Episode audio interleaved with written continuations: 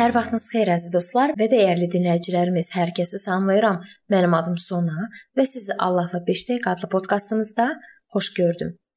Bir neçə gün biz imanlar cəmiyyətində qarşılıqlı münasibətlər barədə danışırıq və keçən görüş biz münaqişələrin kökü barədə dedik. Dedik ki, münaqişə baş verəndə həmişə hər iki tərəf günahkardır. Çox vaxt hə, amma həmişə yox. Digər tərəfdən hətta haqlı olanda belə din xadimi özünün və yalnız özünün haqlı olduğunu sübut etməyə çalışarsa, imanlar cəmiyyətinin inkişafına töhfə verməz. Öz arqumentlərindən istifadə edərək ətrafında ona haqlı olduğunu inandıracaq əhəmiyyətli dərəcədə güclü dəstək qrupu yaratmağa çalışarsa, vəziyyəti daha da çətinləşdirəcək. Çox danışan adam özünə qarşı şübhə doğurur.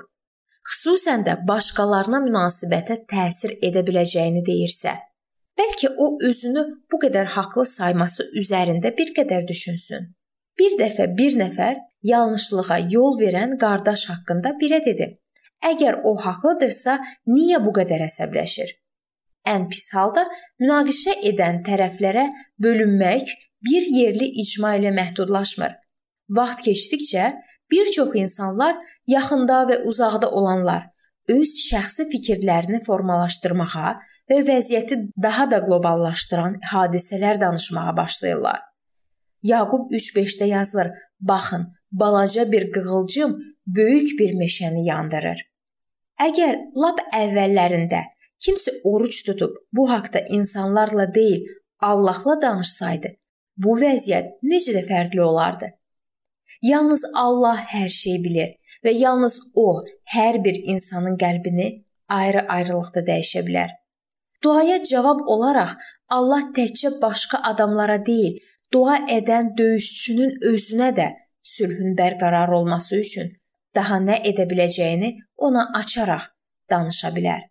Həmçinin mübahisəli məsələni müəyyən müddətə kənara qoymaq və hər dəfə görüşərkən o məsələni qaldırmamaq da faydalıdır. Bəli, yekun qərar əldə etməyə can atmaqla bəzi məsələləri qaldırmaq lazımdır. Amma bəzən qardaşa başının üstündə dayanan olmayanda vəziyyət barədə düşünməyə və fikrini dəyişməyə imkan verməklə daha çox şeyə nail ola bilərik.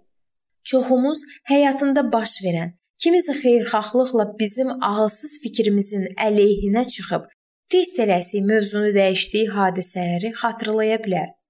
Münaqişə onun səbəbi kimi qarşı tərəfin çatışmazlıqları və səhvlərini hesab edəcəyimiz vaxta qədər davam edəcək. Davud onun dostu olduğunu sübut etdikdən sonra belə Şaul Davuda düşmən kimi baxırdı. Qorah düşünürdü ki, Musa özünə çox səlahiyyət götürüb və Musanın dediyi heç bir söz etdiyi heç bir hərəkət ona əksini düşünməyə məcbur edə bilməzdi.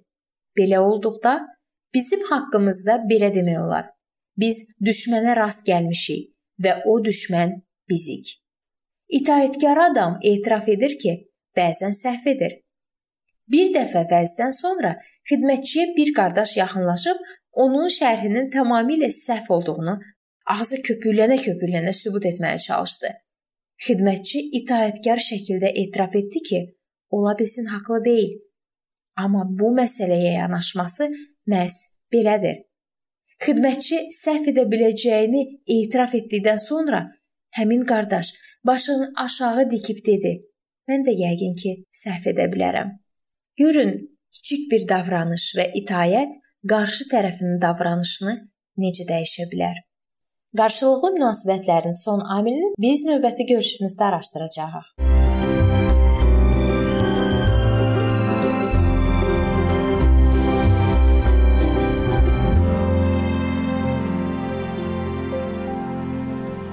Beləliklə əziz dostlar, bu yerdə bu mövzu sona çatdı. Hər zaman olduğu kimi sizi dəvət edirəm ki, bizim podkastlarımızı Facebook səhifəmizdən və YouTube kanalımızdan dinləməyə davam edəsiniz. İndi isə mən sizinlə sağollaşıram və növbəti görüşümüzdə görmək ümidi ilə. Sağ olun, salamat qalın.